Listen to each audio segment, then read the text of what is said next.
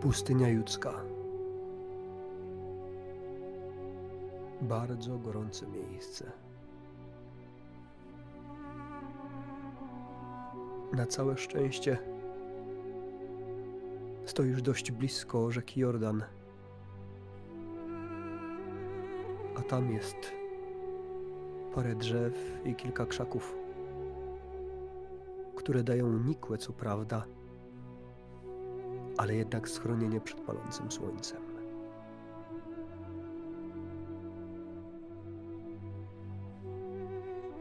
Wielki tłum ludzi stojący w oczekiwaniu. Bo ktoś za chwilę ma przyjść. Zdaje się, że to ktoś bardzo ważny i długo wyczekiwany.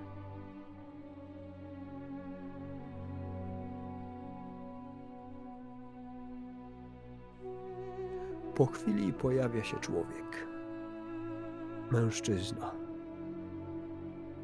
i zaczyna mówić.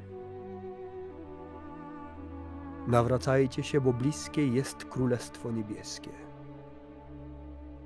Do niego to odnosi się słowo proroka Izajasza, gdy mówi: Głos wołającego na pustyni: Przygotujcie drogę Panu, dla niego prostujcie ścieżki.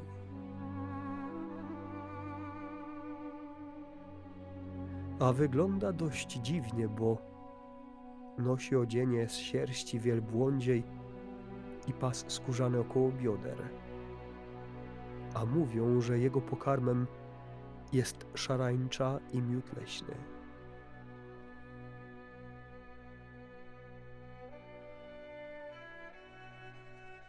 I widzisz, jak ciągną do niego wielkie tłumy z Jerozolimy, z całej Judei i całej okolicy nad Jordanem.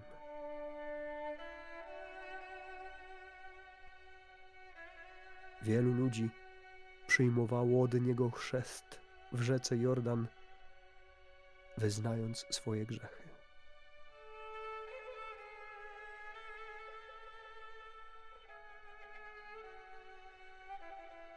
Po chwili widzisz, jak zauważa, że przyszło do chrztu wielu spośród faryzeuszów i saduceuszów. Zaczyna do nich mówić. Plemię żmijowe, kto wam pokazał, jak uciec przed nadchodzącym gniewem? Wydajcie więc godny owoc nawrócenia, a nie myślcie, że możecie sobie mówić: Abrahama mamy za ojca. Opowiadam wam, że z tych kamieni może Bóg wzbudzić dzieci Abrahamowi. Już siekiera jest przyłożona do korzenia drzew. Każde więc drzewo, które nie wydaje dobrego owocu, zostaje wycięte i wrzucone w ogień. Ja was chrzczę wodą dla nawrócenia. Lecz ten, który idzie za mną, mocniejszy jest ode mnie. Ja nie jestem godzien nosić mu sandałów. On was chrzcić będzie Duchem Świętym i ogniem. Ma on wiejadło w ręku i oczyści swój omłot. Pszenicę zbierze do spichlerza, a plewy spali w ogniu nieugaszonym.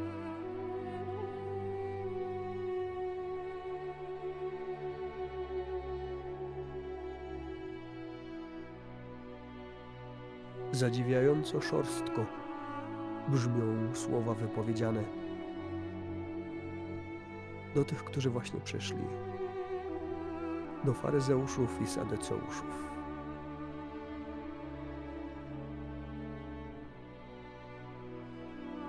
Mówił, jakby ich dobrze znał.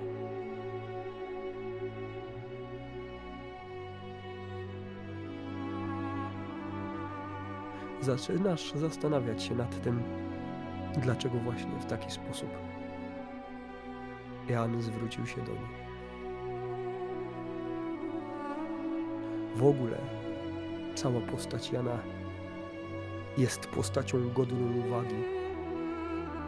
I nie przez przypadek, właśnie teraz w czasie Adwentu. W sposób szczególny możemy na niego patrzeć.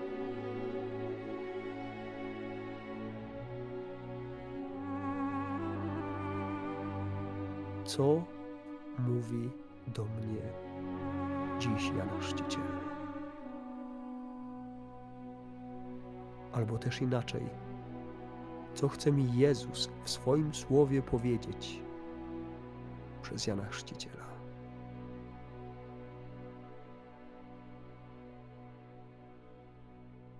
Człowiek bezkompromisowy. Ten, który miał jasno wyznaczony cel i zadanie głosić przyjście Mesjasza. To był jego priorytet.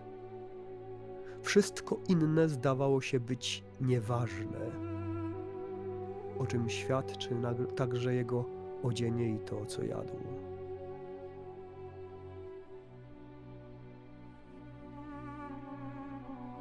Jego zadaniem było doprowadzić ludzi do spotkania z Mesjaszem, zapowiedzieć Jego przyjście, pokazać drogę, którą należy iść, aby Go spotkać.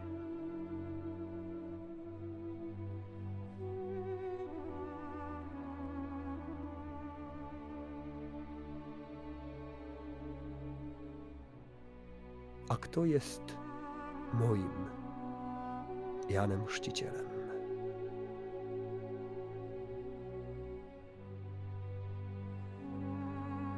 Kto jest tym, który wskazuje mi drogę do Boga? Kto jest tym, który pomaga mi spotkać się z Jezusem? Kto jest tym, który wie, w jaki sposób pomóc mi rozwiązać moje problemy? Kto jest tym moim osobistym Janem Chrzcicielem? Człowiekiem wskazującym drogę do Boga i nie zasłaniającym swoją osobą samego Boga.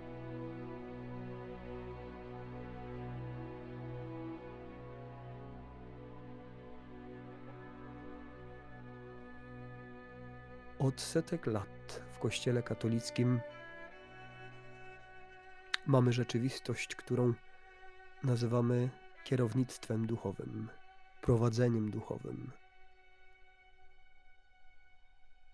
Dziś współczesnym językiem moglibyśmy nazwać to coachingiem, choć to słowo absolutnie nie oddaje całej rzeczywistości. Bo kierownictwo czy prowadzenie duchowe ma właśnie mnie kierować, prowadzić do celu, do spotkania z Jezusem, a nie ćwiczyć mnie tylko jakby dla celu samego w sobie.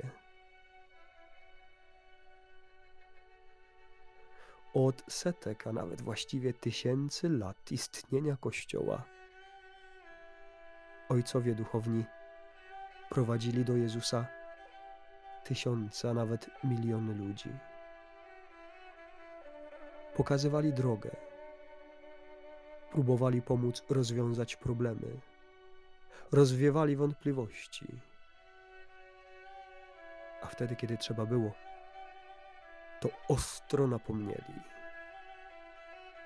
Podobnie zresztą jak Jan w dzisiejszej Ewangelii, bo przecież do faryzeuszów i saduceuszów zwrócił się bardzo szorstko. Ale czy zrobił to dlatego, bo ich nie lubił, bo był na nich zły, bo go denerwowali? Nie. Zrobił to przede wszystkim z troski o nich. Wiedział, że tylko w taki sposób może przebić się przez zatwardziałość ich serc, aby dotknąć ich sumienia. Nie zawsze ktoś, kto szorstko zwraca mi uwagę, życzy mi od razu źle. Zwłaszcza w perspektywie duchowego prowadzenia. To trochę tak jak z matką, która widząc dziecko biegnące wprost pod samochód, przecież nie powie do niego: Proszę cię, zatrzymaj się, to może stworzyć niebezpieczeństwo. Nie. Ona krzyknie: Stój i ani kroku dalej.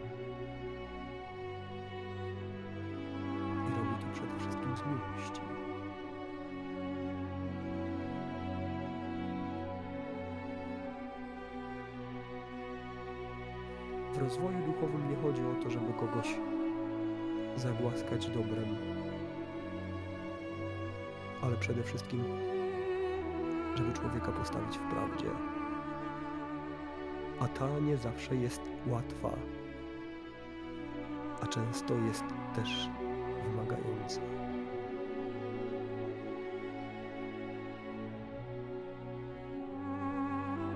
Może zadaj sobie dziś pytanie,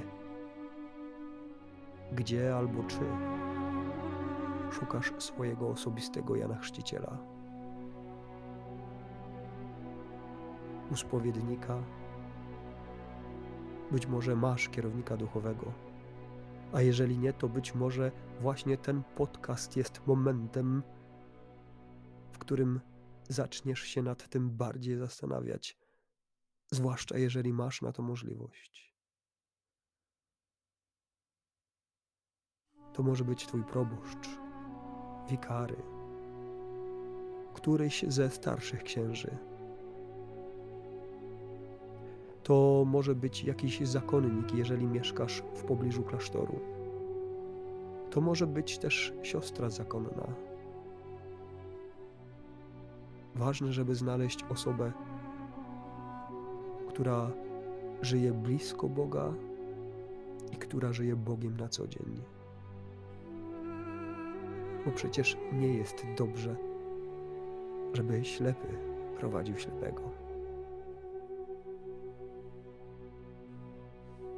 Może Adwent, ten czas jak bardzo niesamowity, choć tak schematycznie to brzmi, że Adwent to czas oczekiwania. Jest czasem, żeby zrobić krok do przodu. Właśnie w tej dziedzinie konkretnego rozwoju duchowego, kierownictwa i prowadzenia duchowego.